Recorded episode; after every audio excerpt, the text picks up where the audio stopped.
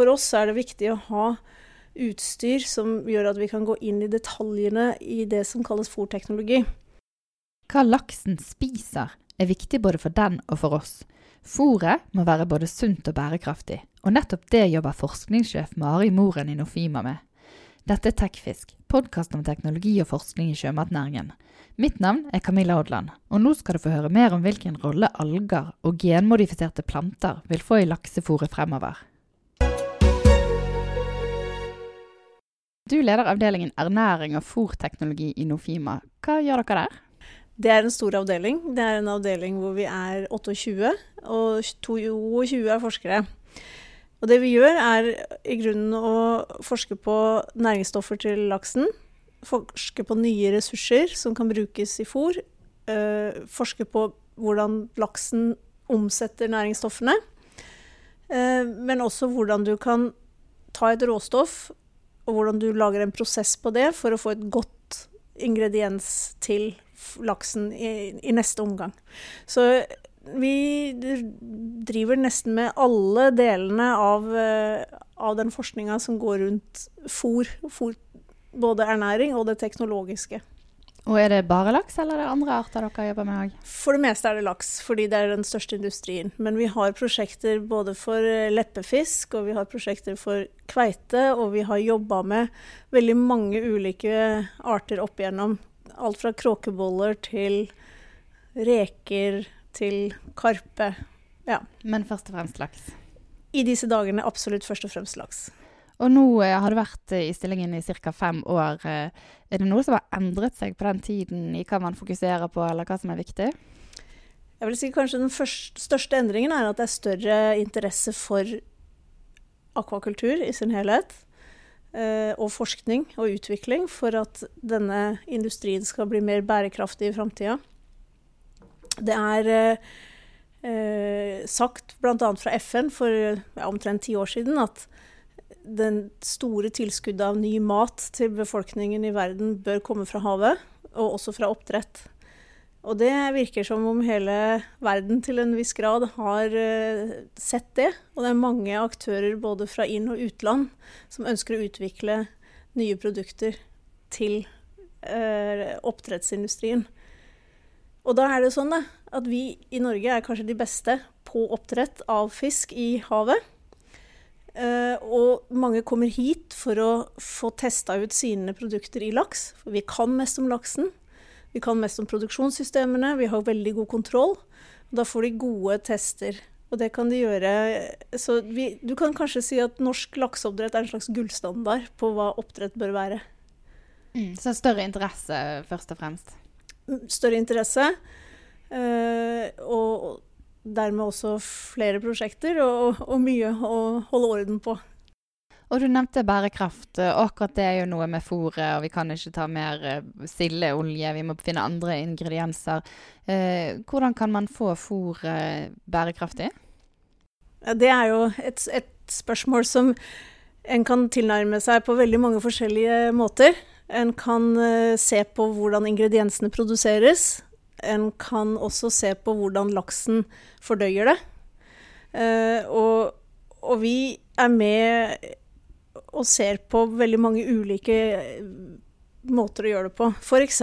så jobber vi med et selskap fra Australia som har laget en genmodifisert rapsplante, sånn at denne rapsoljen har DHA, disse lange marine omega-3-fettsyrene. Og dermed så kan det være en erstatning eller et tilskudd i tillegg til den fiskeoljen som allerede er. På den andre siden så jobber vi også med de som lager alger. For alger kan også ha høye innhold av omega-3, og vi ser på om laksen trives med disse råstoffene i fôret. Om det påvirker helsa deres negativt, eller kanskje til og med positivt. Og hvordan det da kan anbefales å tas i bruk av industrien. Og du nevnte genmodifisert. Det er jo en del som får sånn pigger av. Hva tenker du om det? Jeg kan forstå at det finnes en skepsis, og samtidig så er det veldig ulike holdninger i verden, og vi jobber internasjonalt. Så når en kunde kommer og trenger en god forståelse av der, deres produkt, eh, så ønsker vi å bistå med det. Og vi tror at kunnskap er viktigst først og fremst. Og kanskje ikke uh, en, en uh, Og ikke starte med en skepsis i utgangspunktet. Um, samtidig så, så, er det sider ved genteknologi som, som, må, som må, diskuteres. Uh, og det, det skal ikke vi gjøre på vegne av andre. Men hva tror du blir de viktigste kildene til omega-3 i fiskefôret fremover? Jeg er ganske sikker på at både genmodifiserte oljer, ikke, kanskje ikke norsk laks fordi, uh, eller i europeiske markeder, men jeg tror at genmodifiserte oljer kan være viktig for mange markeder i verden. Jeg tror at uh, alger helt klart blir en, uh, en mulighet. Men volumene som produseres av begge disse, er jo litt for små i forhold til det store behovet for omega-3. For det er jo ikke bare laksen som trenger omega-3. Vi trenger jo eh, omega-3 til alle dyr som vi skal produsere. Og dermed så, så, er det jo veldig morsomt å jobbe med dette, for det, dette er kanskje løsninger for mer enn den norske lakseindustrien. Men hvordan kan man da sikre at det blir nok omega-3 både til laksen og de andre som trenger det? Jo, da må en jo gå inn med nye metoder. Altså det å produsere alger. Da ikke nødvendigvis fra tare, tang og tare, men mikroalger, så kan en jo kunne øke produksjonen betraktelig. Eh, det er et spørsmål om eh, markedet og, og kostnader. Eh, så, at det er en mulighet for framtida, det er jeg ganske sikker på. Men hvor fort det overtar eller, eller er en reell erstatter, det gjenstår jo å se da, i forhold til markedsutviklinga for alge produkter. Ja, for noen av de store fôrprodusentene har noe algeoljefôr. Har dere vært med på noen prosjekter der? Ja da, vi har jobba med mange algeprodusenter og oppdrettere for å se på hvordan alger eh, påvirker, og, det er veldig spennende. Men det er også der spennende å se på før det går inn i fôret. Skal det, hvordan skal du prosessere det, skal du knuse det, skal du ha dem hele? Det er mange sånne spennende spørsmål som eh, produsenter må ta stilling til og som vi ser at produsenter har ulike måter å angripe på. Og så er det snakk om at fôret skal kunne gjøre ulike ting for laksen. Gjøre den mer resistent mot lus og unngå sykdommer. Og hva tror du om eh, fôr og den type ting? Vel, vi kan jo si at en god ernæringsstatus det er grunnlaget for en god helse. Um, og det gjelder også for laks, og det gjelder for oss, og vi vet jo det. Samtidig finnes det jo ingen mirakelkur. Men vi vet etter hvert mer og mer om hvordan næringsstoffer spiller sammen i kroppen. Vi har senest noen resultater der vi ser at mineralet sink er med og påvirker eh, skinnhelsa til laksen sammen, sammen med omega-3. Så den ene støtter opp om den andre, kan du si. Og denne måten med samspillseffekter tror jeg at vi må forske mer på for å kunne virkelig optimalisere robustheten hos fisken gjennom ernæring. Men kan fôret gjøre at eh, den tar, får mindre lakselus?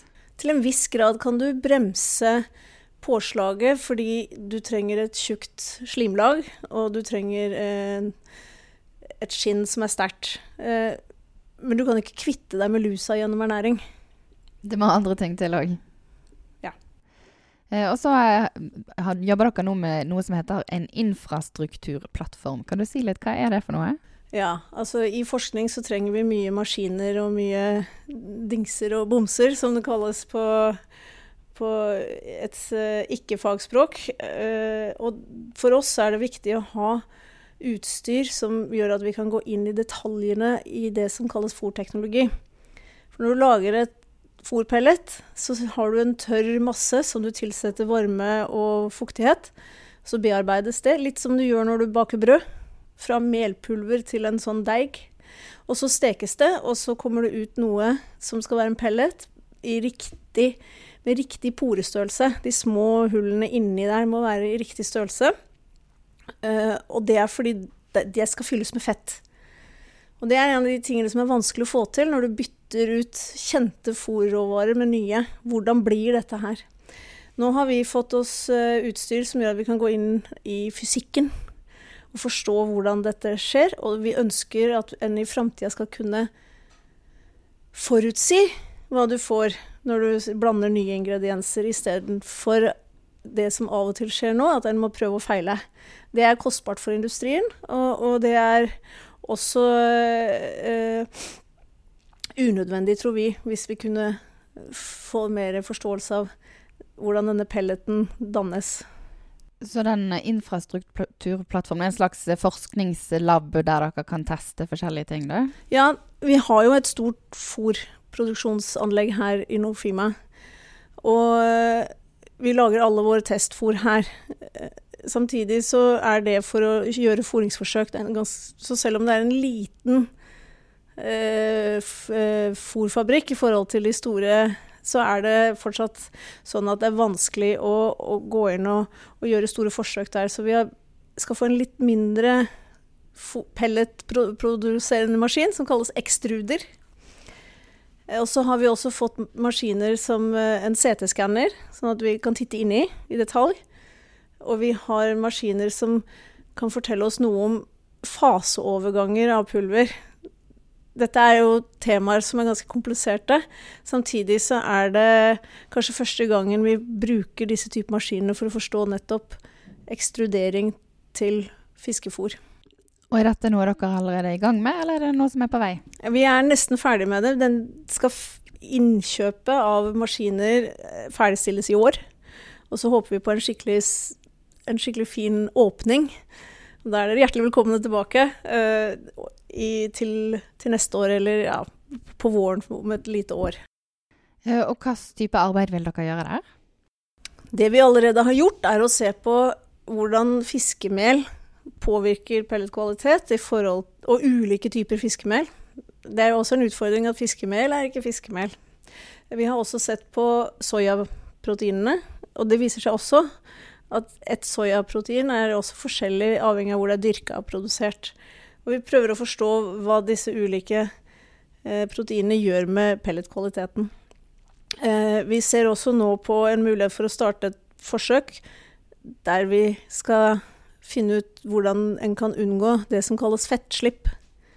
Altså at fettet i pelletene renner ut av, av dem og, og, gjør at eh, fôret ikke blir så bra som en ønsker. Det er en av de større utfordringene i industrien i dag. Og Hvor tett samarbeider dere med oppdrettsnæringen? Vi har omtrent 90 forskjellige prosjekter i avdelinga.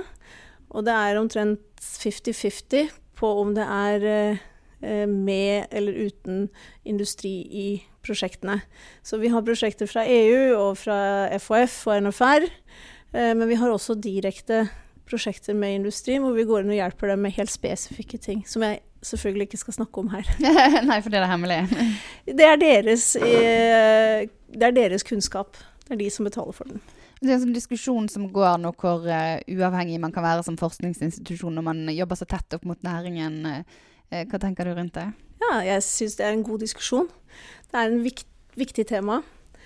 Uh, I Nofima så er vi veldig nøye med at vi ikke skal dikteres i forhold til våre konklusjoner. Så når vi går inn i, i, prosjekt med industri, så har vi en nøye diskusjon med dem for å forstå deres problemstilling. Uh, og de forstår hva vi kan av kunnskap. Så enes vi om hva slags uh, forsøk vi skal gjøre. Men når vi skal konkludere, så er det vi som alene gjør det. Uh, og det er industrien også opptatt av. fordi de skal kunne gå ut og si at disse funnene er dokumentert. Uh, og uten at vi får lov å være uavhengige når vi gjør vår konklusjon, så, så får de jo ikke det. Men de store fôrprodusentene Skretting og Biomar, eh, jobber de sammen med dere òg? Ja. Um, mange av de prosjektene vi har med fòrindustrien, er i åpne prosjekter som betales av NFR og FHF. Så de er veldig opptatt av at informasjonen som vi finner, kommer ut og blir til nytte for alle. Og kan du si, helt til slutt si litt, Hva blir viktig når det gjelder ernæring og fôr til laksen fremover? Oh. Det er to perspektiver. Det ene er laksen, og det andre er det globale. Eh, fordi det påvirkes, det påvirkes vi av også. Globalt er det ressursknapphet på omega-3 nå. Eh, og det kommer også til å være ressursknapphet på proteiner. Eh, så det er de store utfordringene globalt. Og, og, vi må finne noen løsninger som er, er, er store. Uh, den norske industrien Vi har snakka en del om, om uh, å erstatte soya med våre egne råvarer. men du kan tenke på at i, i, på verdensbasis så gjør, bruker den norske lakseindustrien mindre enn en halv prosent av soyaen som lages. Så hvis vi skal tenke på de globale utfordringene, så må vi, må vi nok eh, tenke større enn laks. Men for laksen så er det det for oss å forstå enda bedre samspillseffektene som næringsstoffene har, sånn at vi virkelig kan gjøre laksen så motstandsdyktig som mulig. Eh, og så er det også forstå Eh, om det er blitt annerledes ernæringsbehov når du har nye produksjonsformer, resirkuleringsanlegg som kommer nå, gjør at eh, situasjonen, kan du si, verden, livet til laksen er annerledes. Og det kan også bety at den trenger andre næringsstoffer og andre balanser mellom ulike næringsstoffer. Og det ønsker vi å se på. Så det er nok å ta tak i fremover? Vi har mer enn nok å gjøre, og det er vi glad for. Tusen takk skal du ha. Bare hyggelig. Du har nå hørt på Tekfisk, podkasten om teknologi og forskning i sjømatnæringen. 18.2 har vi live podkast om landbasert oppdrett og lukkede merder i sjøen. Det skjer på Ole Bull scene i Bergen, og mer informasjon får du ved å gå inn på fanen som heter arrangement på tekfisk.no.